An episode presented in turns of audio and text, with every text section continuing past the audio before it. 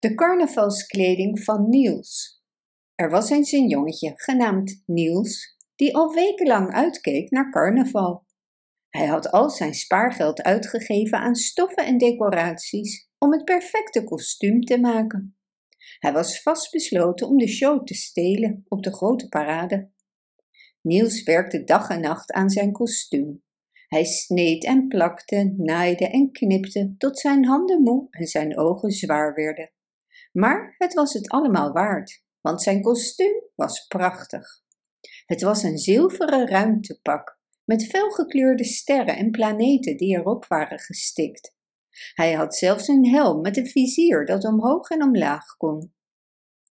Op de dag van de parade was Niels zo opgewonden dat hij niet kon eten. Hij trok zijn kostuum aan en stond voor de spiegel. Je ziet er geweldig uit, zei zijn vader, die een kleurrijk clownspak droeg. Ik ben zo trots op je. Samen gingen ze de straat op, waar de rest van de stad zich al had verzameld. Er waren muzikanten, dansers en andere verklede kinderen. Niels keek zijn ogen uit en genoot van de feestelijke sfeer. Toen begon de parade. Niels en zijn vader marcheerden trots door de straten, terwijl de menigte juichte en applaudisseerde. Niels zwaaide naar iedereen die hij kende en liet zijn kostuum zien. Hij voelde zich als een echte ruimtevaarder. Maar toen gebeurde er iets onverwachts. Een van de juryleden van de parade kwam naar hem toe en zei: Ik wil jou feliciteren. Jij hebt de prijs gewonnen voor het beste kostuum. Hij kon zijn oren niet geloven. Hij voelde zijn hart bonzen van opwinding. Hij had gewonnen. Hij kreeg een medaille en een cadeaubon voor een speelgoedwinkel. En vanaf dat moment was Niels de koning van carnaval. Hij liep door de straten, zijn medaille glinsterend in de zon, terwijl de menigte hem toejuichte.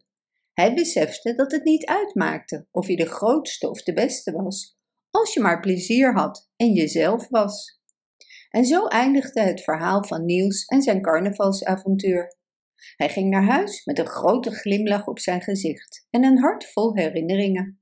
Hij zou nooit vergeten hoe het voelde om net een echte ruimtevaarder te zijn en de koning van carnaval.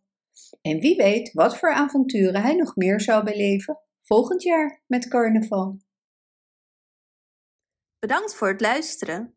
Wist je dat je dit verhaal ook op onze website ridiro.com/nl kunt lezen, downloaden en printen?